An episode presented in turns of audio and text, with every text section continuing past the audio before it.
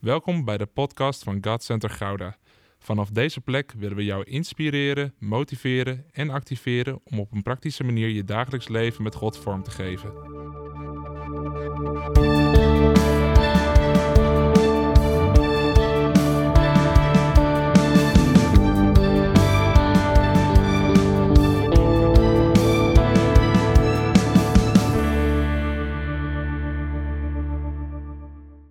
Wij uh, gaan in de kracht van de geest. Een mooi thema in aanloop naar Pinksteren. Dus gaan in de kracht van de geest. Daar ben ik in de afgelopen tijd mee bezig geweest. En daar hoop ik vanmorgen een aantal dingen met jullie uh, mee te delen. En hoe wij helemaal niet zo'n hele afstemming hebben gehad met oog op de aanbidding enzovoort, was het echt wel echt. Nou, dat zit er een grote regisseur achter. Het ging over strijd, het ging over wachten op de Heer. En uh, nou, heel veel thema's die terugkomen. In, uh, in deze maand mei dan verwacht ik niet alleen de Heilige Geest, maar ben ik ook altijd wel een beetje bezig met oorlog en bevrijding. Toen is dat uh, 4, 5 mei en uh, vroeger altijd, uh, ja, dan keek je altijd een oorlogsfilm met, met dat doen we helemaal niet zoveel, maar in ieder geval bij 4, 5 mei een documentaire van een oorlogsfilm. En nu dit jaar was Hacksaw Ridge aan de beurt voor mij. Ik weet niet of mensen die gezien hebben, maar uh, Hacksaw Ridge is een indrukwekkende, maar ook een snoeiharde oorlogsfilm. En uh, nou, je moet wel tegen wat bloed en wat rondvliegende ledematen kunnen om, om daar doorheen te komen. Dus Jeroen, toen we het even erover hadden, zei hij van nou, dan ga ik hem wel zonder Petra kijken, want dat, dat wordt hem niet. Maar ik heb hem gekeken en hij is gebaseerd op het waargebeurde verhaal van Desmond Doss tijdens de Tweede Wereldoorlog. En dat sprak mij ernstig aan, omdat ik me iets herkende. Ik heb niet op het slagveld gezeten, maar ik ben wel hospik geweest uh, bij de luchtmacht. En ook een beetje vanuit het idee van, ja, ik wil vooral levens redden in plaats van levens nemen. Uh, toen, ik, uh, toen ik me daarvoor aanmeldde. Nou, Desmond Doss was ook een, was een christen. En hij, hij geloofde, hij wilde niemand doden. Dat was een diepe overtuiging. Dat, dat, maar het was ook zijn diepe overtuiging dat de oorlog wel gerechtvaardigd was. En daarom had hij zich aangemeld bij het leger, maar wilde hij geen wapen dragen. Die belofte had hij ooit aan God gedaan. Ik zal nooit een wapen dragen.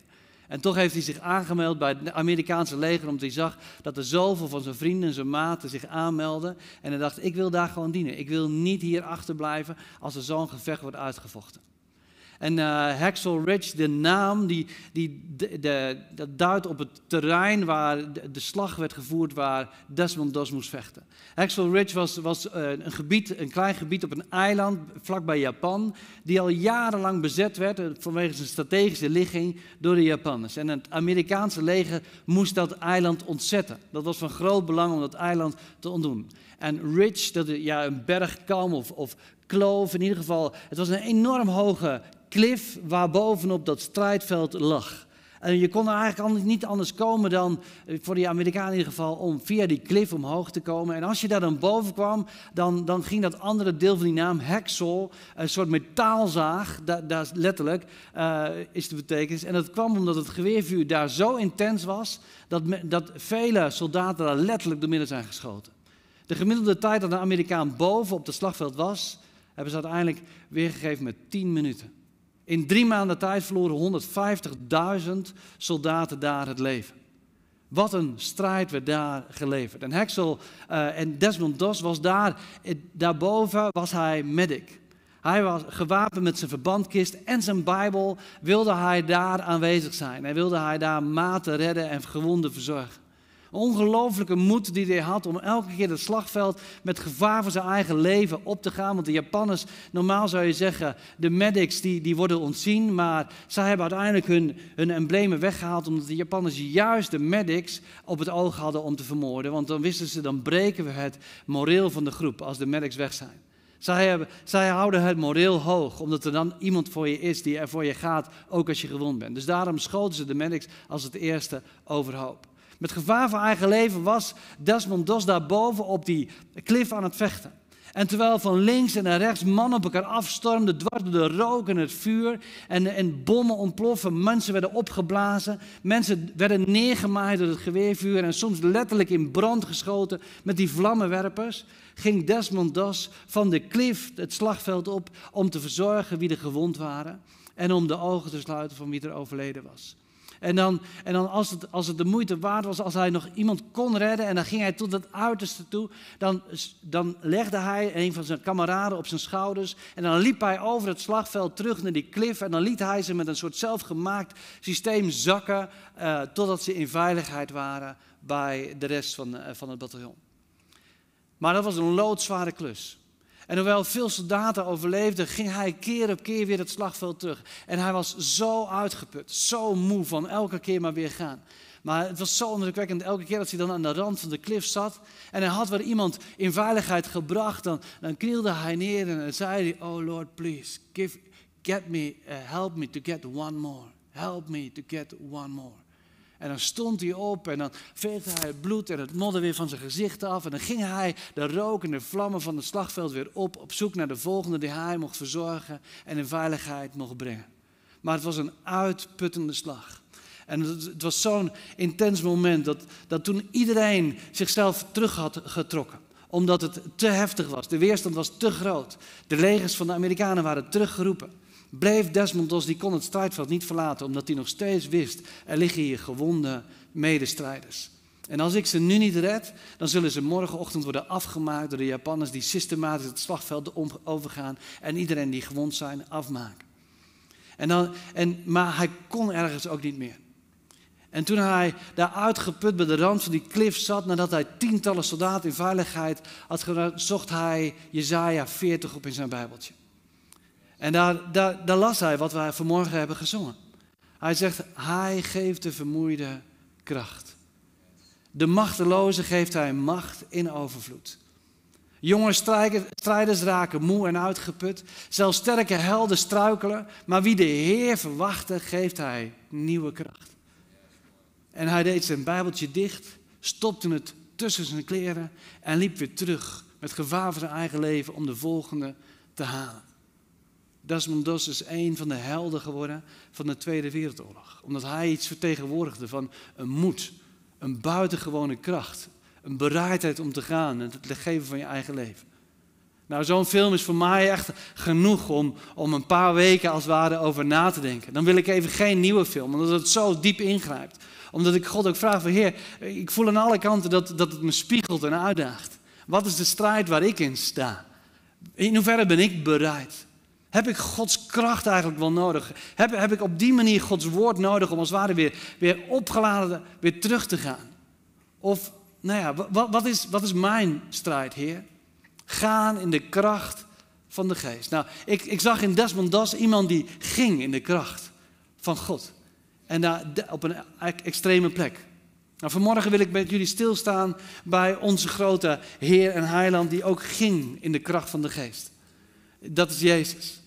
Als er iemand een missie vertegenwoordigde waar wij in staan, ja, dan is dat Jezus. Als je Jezus ziet gaan, dan weet je waar de kerk moet gaan. Gewoon de missie van Jezus is het bestaansrecht van de kerk. Dus, dus daar mogen we op, op zoeken. wat is zijn missie, maar ook hoe deed hij dit? Want Jezus heeft gezegd, toen hij inderdaad met de hemelvaart ging, toen gaf hij ons die geweldige opdracht mee. Ga maar naar het einde van de aarde tot in Gouda en de regio van Gouda en maak deze mensen tot mijn discipelen. En genees hen, bevrijd hen, spreek waarheid. Ga maar. Dat is de opdracht die er voor ons ligt. Nou, Jezus in Lucas 4 legt hij zijn missie uit. Waar gaat hij voor? En toen ik hiermee bezig was, toen ja, het kwam ik eigenlijk vanzelf bij dit Bijbelgedeelte uit, omdat hier een hele duidelijke uh, link ligt tussen de missie, gaan, en de kracht van de geest. Nou, als het bij Jezus al zo is, des te meer, of tenminste zeker moet het dan ook bij ons zo zijn. We lezen in, uh, in Lucas 4 en dan lees ik vanaf vers 18. Jezus keerde, of vers 14. Jezus keerde, gesterkt door de geest, terug naar Galilea. Het nieuws over hem verspreidde zich in de hele streek en hij gaf onderricht vanuit het woord in de synagoge en werd door allen geprezen. Hij kwam ook in Nazareth, waar hij was opgegroeid, en volgens zijn gewoonte ging hij op de Sabbat naar de synagoge. En toen hij opstond om voor te lezen, werd hem de boekrol van de profeet Jezaja overhandigd. En hij rolde hem af tot de plek waar hij geschreven staat. Dus hij zocht het op. De geest van de Heer rust op mij. En dan komt zijn mission statement. En dat ga ik zo verder lezen. Maar even hier staat dus al, Jezus keerde gesterkt door de geest. En uiteindelijk zegt hij, de geest van de Heer rust op mij en heeft mij gezalfd. En iets, iets daarvoor, net daarvoor, lezen we in hoofdstuk 4, vers 1. Vervuld van de geest trok Jezus weg van de Jordaan. En geleid door de geest zwierf hij 40 dagen rond in de woestijn. Waar hij door de duivel op de proef werd gesteld. En al die tijd at hij niks. En toen die 40 dagen verstreken waren, had hij grote honger. Straks eh, kom ik nog even terug bij, bij Lucas. Maar in, in, dit, in, deze, in dit gedeelte zien we Jezus en voelen we ook iets van het belang van de geest. Er staat gesterkt door de geest. Het woord wat daar staat, dat is dynamisch. Dat is dat Griekse woordje wat, wat ook gebruikt voor, voor dynamiet. Dus God, Jezus was vol van de dynamische kracht van God. Klaar om dat te doen wat, wat God wilde doen op deze wereld. En er stond, hij, werd, hij was gezalfd daarmee. En, en dat woordje grio in het Grieks, dat is het woordje, je was aangeraakt met oog op een bepaalde bediening. Dus, je bent aange, dus de Heilige Geest die zalft je, dat is als het ware de aanraking van God, ook om je klaar te maken voor een bediening aangeraakt voor een bediening. Dus hij zegt, hij was vol van de kracht, hij was door God aangesteld, gezalfd. En even daarvoor lazen we ook nog, hij was vervuld van de geest. Elk terrein van hem was doortrokken van de geest en hij liet zich leiden door de geest. Gewoon even, voordat Jezus dus uitspreekt, waar gaat hij voor? Vertelt hij wel in het kort welke centrale rol de Heilige Geest daarin speelt. Hij is vol, hij wordt geleid, hij is gesterkt en hij is gezalfd door de Heilige Geest. Nou, dat is als het ware even een opmaat voor ons. En, en daarna dan, dan gaat hij zijn mission statement uitleggen. Nou, waarom is dit nou belangrijk? Waarom kijken we hiernaar? Nou, jullie gebruiken als God Center grote woorden. Niet te groot. Jullie gebruiken grote woorden in navolging van de grote opdracht van God. Op eind januari heeft Jeroen hier een soort visiezondag neergehouden. En heeft hij met jullie gevraagd: oké, wat is onze visie? Nou, die wisten jullie allemaal wel te noemen.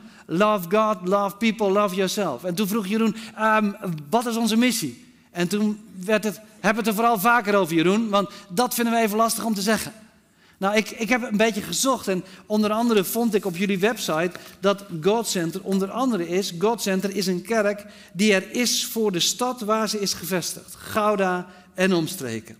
Wij willen klaarstaan voor de stad en in, inspringen daar waar nood is.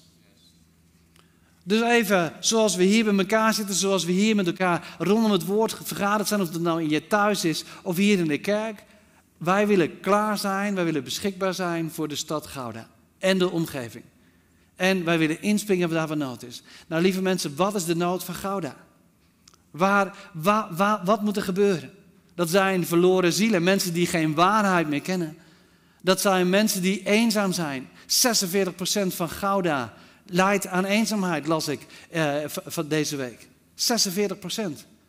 En eenzaamheid is een soort demonische kracht, zeg maar, die mensen isoleert en over laat gaan tot slechte gewoontes die vernietigen. Die mensen uit hun, uit, uit een betekenisvolle omgeving halen. 46 procent. Je hebt hier vluchtelingenwerk. Je hebt hier ook een stichting die gaat voor gevangenenzorg. Allemaal plekken die de nood van Gouda in beeld brengen. Je hebt hier mensen die verhandeld worden met oog op seks, sekswerk.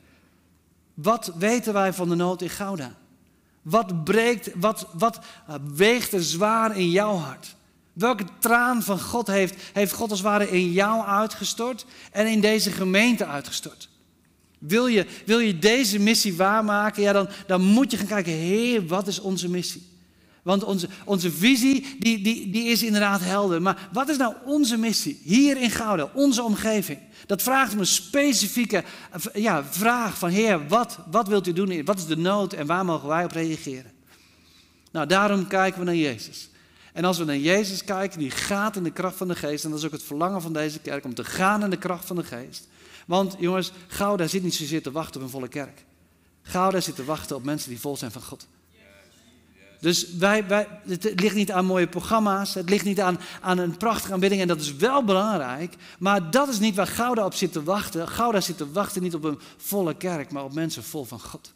En als dat bij elkaar komt hier, ja, dan, dan is er hoop. Dan is er hoop voor heel veel mensen in Gouda. En dan zijn er nooit genoeg mensen in deze kerk, omdat je ook weer uit moet gaan. Vanmorgen dacht ik nog even aan mijn eigen auto. Ik heb een elektrische auto het afgelopen jaar. En toen dacht ik van ja, kerk zijn is als het ware dat oplaadmoment. Dat, dat, je, dat, je, dat je een goede paal in de buurt hebt staan waar je, waar je opgeladen kan worden. Zodat je, zoals vanmorgen, dan pak ik de auto en dan is die warm en opgeladen. Maar waarom? Niet om hem op mijn parkeerplaats te zetten en volgende week weer aan de oplader. Dat zou echt kansloos zijn. Dat is om dan vandaag naar Gouda te rijden en weer terug. Dat is om te gaan. Om, om mij ergens te brengen waar ik mag doen waar God mij toe roept. Nou, zo is eigenlijk de kerk super belangrijk. Zo'n oplaadpunt. Gewoon dat je weer gevuld bent, dat je warm bent, dat je, dat je weer mag gaan. Maar niet om weer leeg te lopen terwijl je stilstaat, maar om, om te gaan en uit te delen en te bereiken. En vervolgens heb je het weer nodig. Dat je zegt, oh, en nu heb je dat oplaadmoment weer nodig. Normaal is het gewone onderhoud van mijn auto, het gewone oplaadmoment is prima. Maar als ik naar mijn dochter ga, Maastricht vanuit Nunspeet, ja, dat is een verre missie, dan moet ik onderweg gewoon stilstaan. Om, om even bij te laden. Nou, misschien is jouw. Maar de kerk, samen zijn, dat is geen doel op zich, zeg maar, maar dat is opgeladen worden. Dat, dat, is, dat weer vol zijn om te gaan. Dus, dus, dus eigenlijk gaat het hier ook om klaar te zijn, om, om straks en morgen en deze week de nood in Gouda, om daarin te springen waar God je wil brengen. Straks gaan we een lied zingen na deze preek. Dan gaan we eh, zingen van Elevation Worship Won't Stop Now. En daar komt dat regeltje in voor. And now I'm ready to do what you, are, that you want to do.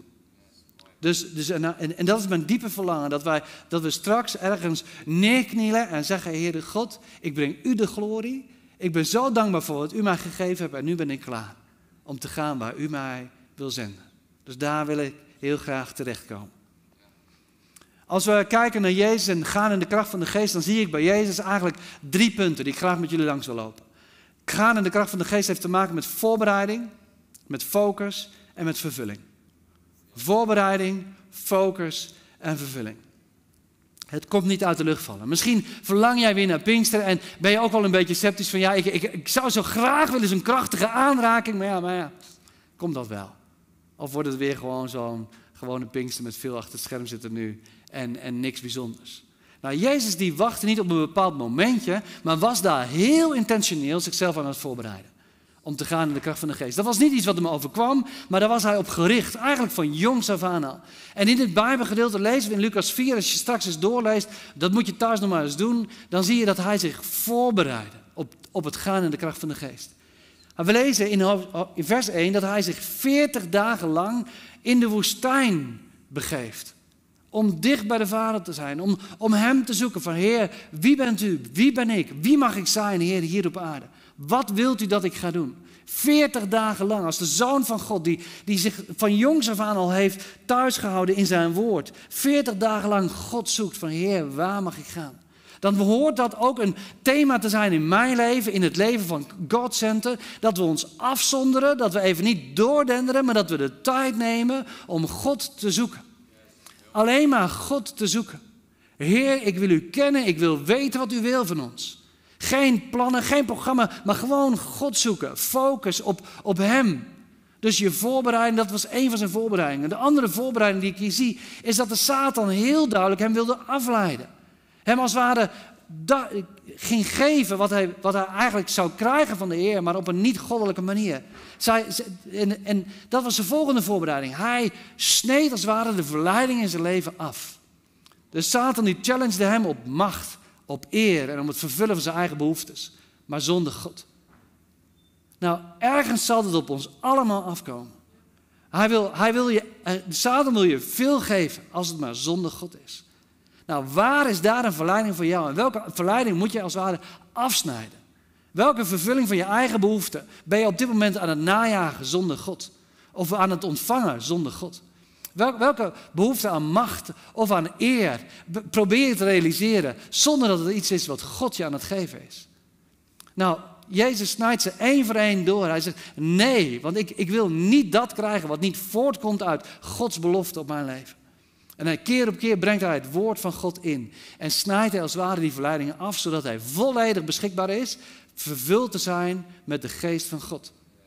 Dus, dus dat dus de tweede stap van voorbereiding van Jezus. Dus niet alleen het echte afzonderen, maar ook het, het, lossnijden van dat wat niet van God is. Waar hij zichzelf mee zouden kunnen laten vervullen.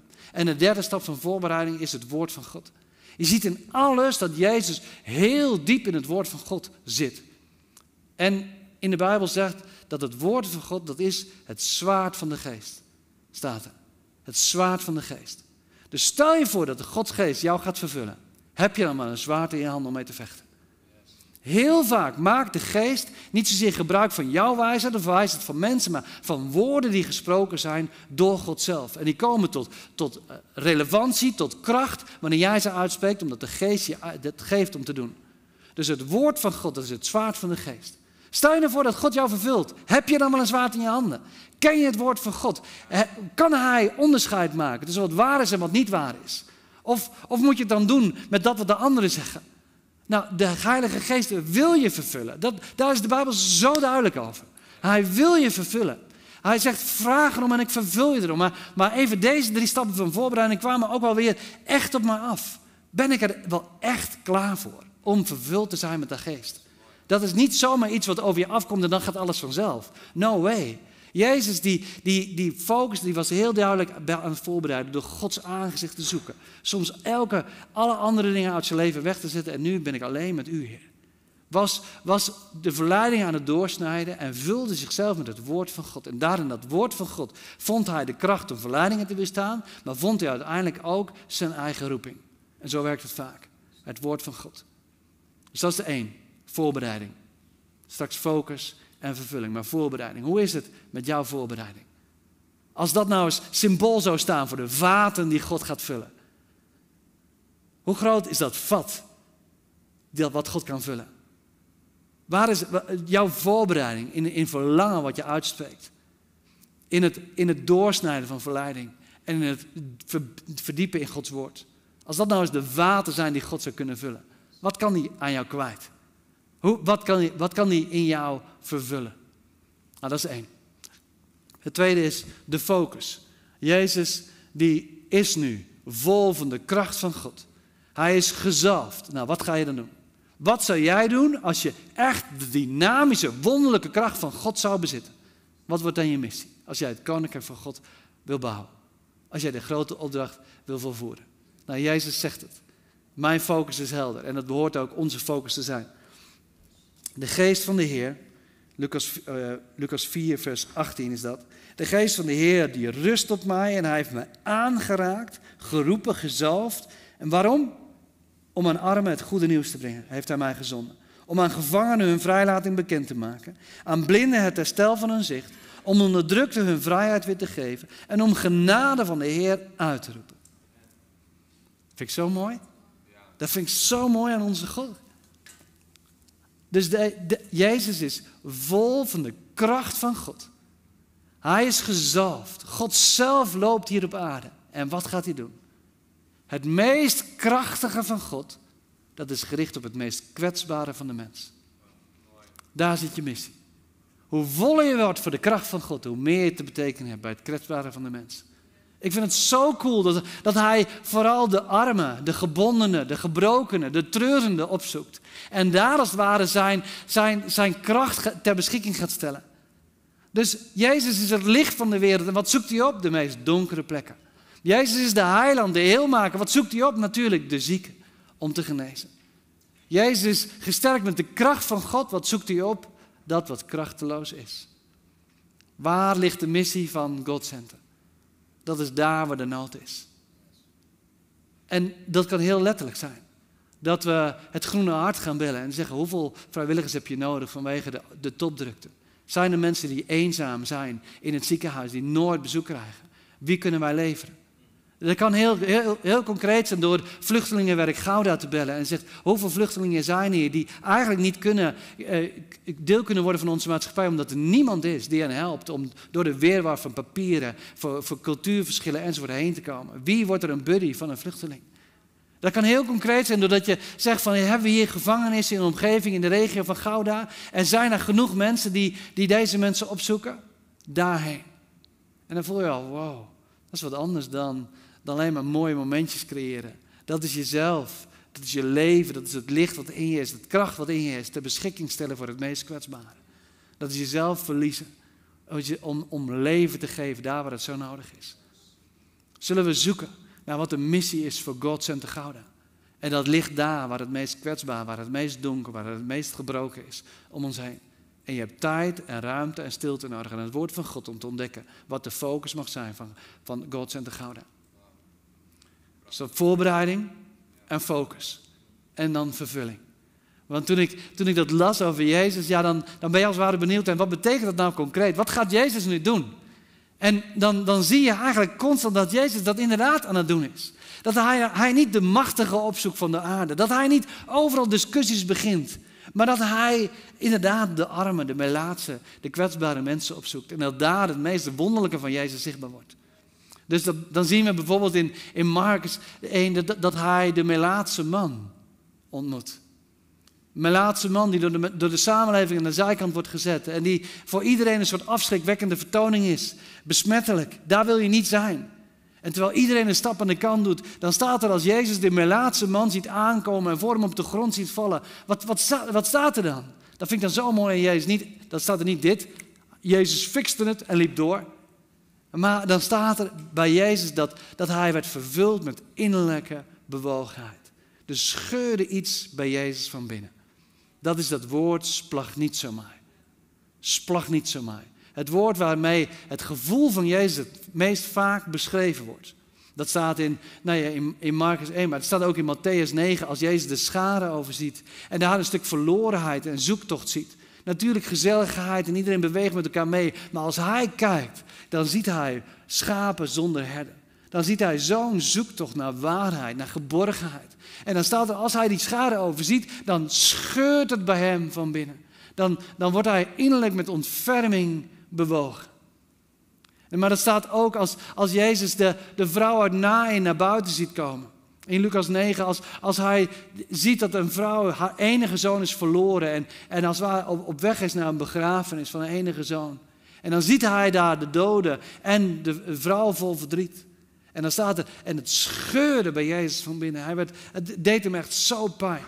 Ik vind het zo tof dat onze God in de gedaante van een mens daar was. En niet om de boel te fixen, niet om, niet om even snel, maar dat, dat de pijn van deze wereld echt zijn pijn is. Dat Jezus dus gekenmerkt werd met een diepe bewogenheid, verdriet. Hij had er echt letterlijk buikpijn van, dat betekent dat. Zijn ingewanden scheurde, dat zit in dat woord, splag niet zomaar. Zijn ingewanden scheurde. De kracht van de Heilige Geest is misschien wel dat, dat het je bewogen maakt voor dat waar heel veel mensen afkeer over hebben. De kracht van de Heilige Geest is misschien wel dat, dat je heel veel liefde voelt waar een ander veroordeling voelt of weg wil zetten. De kracht van de Heilige Geest is, is misschien wel dat wat jou in beweging zet om nabij te komen, terwijl andere mensen heel graag een omweggetje maakt. Ben je klaar voor die vervulling van je ingewanden, van je hart? Dat er een echte liefde ontstaat van dat wat kwetsbaar is, wat het zelf niet redt. Dat woord splag niet zo maar, ik vond het zo mooi. Dat, dat, dat werd in de oudheid ook gebruikt om de toestand aan te geven voor een strijdpaard. Als een paard aan de rand van het slagveld staat en zijn meester op zijn rug, dan, nou je, je kent het misschien wel uit films, dan, dan, dan, dan staat hij als het ware klaar om te gaan. Helemaal gericht op het bevel van de meester en dan wil hij gaan naar de plek waar zijn meester zijn strijd heeft te voeren. Hij loopt niet als een dolle over het strijdveld heen in zijn eentje en zijn meester moet maar kijken waar hij iemand kan raken. Nee, dat, dat paard dat staat vol klaar, maar staat ook te wachten op de sporen van de meester. En wat doet zo'n paard dan op het moment dat hij de sporen krijgt? Dan knalt hij dat slagveld op en dan brengt hij wie, niet zichzelf, maar dan brengt hij de meester op de plek waar gestreden moet worden. Vind ik zo mooi, dat, dat moedige brengen van de meester op de plek waar hij wil gaan. Dat zit precies in dat lied wat we straks zullen zingen. Heren, nu ben ik klaar om te gaan, om te doen wat u wil doen. Nou, God die wil wat doen hier in Gouda. God die haalt meer van de gebrokenen, van de armen, de blinden en de eenzamen hier in Gouda dan wij met elkaar. Maar hij wil die liefde in ons hart uitstorten. Hij wil die bewogenheid in ons hart uitstorten. En, en vervolgens niet alleen bewogenheid, niet alleen verdriet daarbij, maar ook die bereidheid om te gaan. Dat wat bij Jezus zag, het bleef niet bij huilen bij die weduwe te naam. Vervolgens stapte hij in, raakte hij die baden en kwam een leven waar dood was. Bleef hij niet bewogen op een afstand staan kijken bij die Melaatse, maar knielde hij neer toen deze man op de grond viel en raakte hij deze besmette man aan en genas hij hem. Bleef het niet bij gewoon kijken met bewogenheid over die schade, maar begon hij waarheid te spreken en vriendelijk begon hij het koninkrijk uit te leggen. Dus die, die combinatie, diep bewogen en vervolgens ook gaan, dat zit in dat vervuld worden door de Heilige Geest. Ik heb op een gegeven moment, sprak niet zo mij, op een bandje laten zetten. En die heb ik op de plek gedaan waar mijn horloge zat. Ik denk, mijn horloge, dat herinnert mij, en natuurlijk ik heb mijn mobiel voor de tijd, maar even, mijn, mijn horloge herinnert mij aan mijn schema. En als ik wat zie, dan is het heel vaak, komt dat niet goed gelegen uit. Dus dan, dan, dan wil ik mijn auto niet stopzetten, of dan wil ik niet even mijn programma aan de kant zetten, maar dan wil ik gewoon door met dat wat ik gepland had. En ik dacht van, oh, ik wil niet dat mijn horloge mijn schema van de dag bepaalt, maar ik wil dat het hart van God de dag van, de, het schema van mijn dag bepaalt. Dus dan, dan heb ik geneigd om te kijken, heb ik tijd? Maar dan, dan zie ik, heb ik het hart. Niet zozeer heb ik tijd, maar heb ik het hart. Nou, als je wil gaan in de kracht van de geest, dan, dan moet je je eigen schema, je eigen orde ter beschikking stellen. Heer, ik wil leven vanuit uw hart. Ik wil gaan daar waar u mij wil hebben. Er is zoveel nood. Er is een strijd op leven en dood hier in Gouden en omgeving. En jullie zijn de vertegenwoordigers van God. Het is Jezus die zegt, jullie mogen gouden bereiken. Maar doe dat nou niet in eigen kracht. Doe dat niet om een volle kerk te bouwen, maar wees vol van mij en, en gebruik die kerk om weer uit te gaan naar al die plekken. Vanmorgen hebben we stilgestaan bij voorbereiding. Het je afzonderen om God te, te zoeken. Verleidingen doorsnijden en het woord van God laten leven in je hart. Hebben we gekeken naar de focus. Als het Jezus' focus is, dan is het onze focus. Zijn missie is ons bestaansrecht. Het meest krachtige van God is het voor het meest kwetsbare in deze wereld. En dan hebben we gekeken naar een diepe vervulling. En dat is misschien wel allereerst dat we bewogen worden over dat wat gebroken is. En dat we in beweging komen voor dat wat stil is komen te staan. Waar raakt God jou aan? Wat, wat zegt God vanmorgen tegen jou? Wil Hij met jou aan de slag met je voorbereiding? Of wil Hij jou opnieuw bepalen bij de focus van de missie? Of zeg je, Heer, raak mij maar aan. Maak mij bewogen, want ik wil gaan. Ik wil gaan daar waar u bent. Daar gaan we straks over zingen. Maar het is heel vaak de armen en het gebrokene die jou en de kerk tot zijn bestemming roept. Ben je af en toe God kwijt, zeg maar? Luister dan eens naar de nood om je heen. Ik vond het zo bijzonder in, het, in die film van Desmond, Das in de Hacksaw Ridge. Op gegeven is Desmond het kwijt. Zo uitgeput, zoveel verschrikking gezien. En dan zit hij daar aan de rand van de klif. En dan, dan begint hij te bidden en dan zegt hij: Oh God, ik weet het niet meer. Waar bent u? Wat wilt u van mij? Ik hoor u niet, zegt hij. En dan klinkt er vanaf het slagveld een kerm van zijn, een van zijn maten en die roept: Medic, help me. En in de film is het precies alsof God spreekt. Dat er komt geen bovennatuurlijke stem van boven, maar er komt een kreet van beneden. Help me. Stel je voor dat Gouda nu kon roepen. Dat iedere ongehoorde stem nu kon spreken hier. Dat iedereen die in eenzaamheid was, zich vrij voelde om te spreken. Jezus zegt, wat je gedaan hebt voor één van de minste van deze, dat deed je voor mij. Zoek je mij, zoek dan dat wat het meest kwetsbaar is. Daar vind je mij. Zullen we stil zijn om te kijken wie er roept. Hoe God spreekt ook tot jouw hart. Hij wil dat je gaat in de kracht van de geest. Op naar het meest kwetsbare. Zullen we samen dat lied, wil je voorspel doen op dat lied? Won't Stop Now. En daar zing je daar beleiden we. En nou ben ik klaar, Heer, om te gaan. Voor wat, dat wat u wil doen. En uh, ik wil een moment van stilte nemen, zodat jij kan luisteren. Wat is het wat God tot jou zegt? Misschien naar aanleiding van de preek, ofwel misschien dat er iemand in je gedachten komt die, die, die als ware roept: Help me, ik heb je nodig. Nou, God wil dat je gaat in de kracht van de geest naar die kwetsbare toe. Zullen we stil zijn? Dan zal ik straks eindigen en zullen we straks samen als een gebed en een aanbidding zingen Won't Stop Now. And now I'm ready to go for what you want to do. Bedankt voor het luisteren naar deze podcast. Volg ons op onze kanalen om verbonden te blijven. Heeft deze aflevering jou geraakt? Deel dan op je socials en tag ons, zodat we samen meer mensen kunnen bereiken.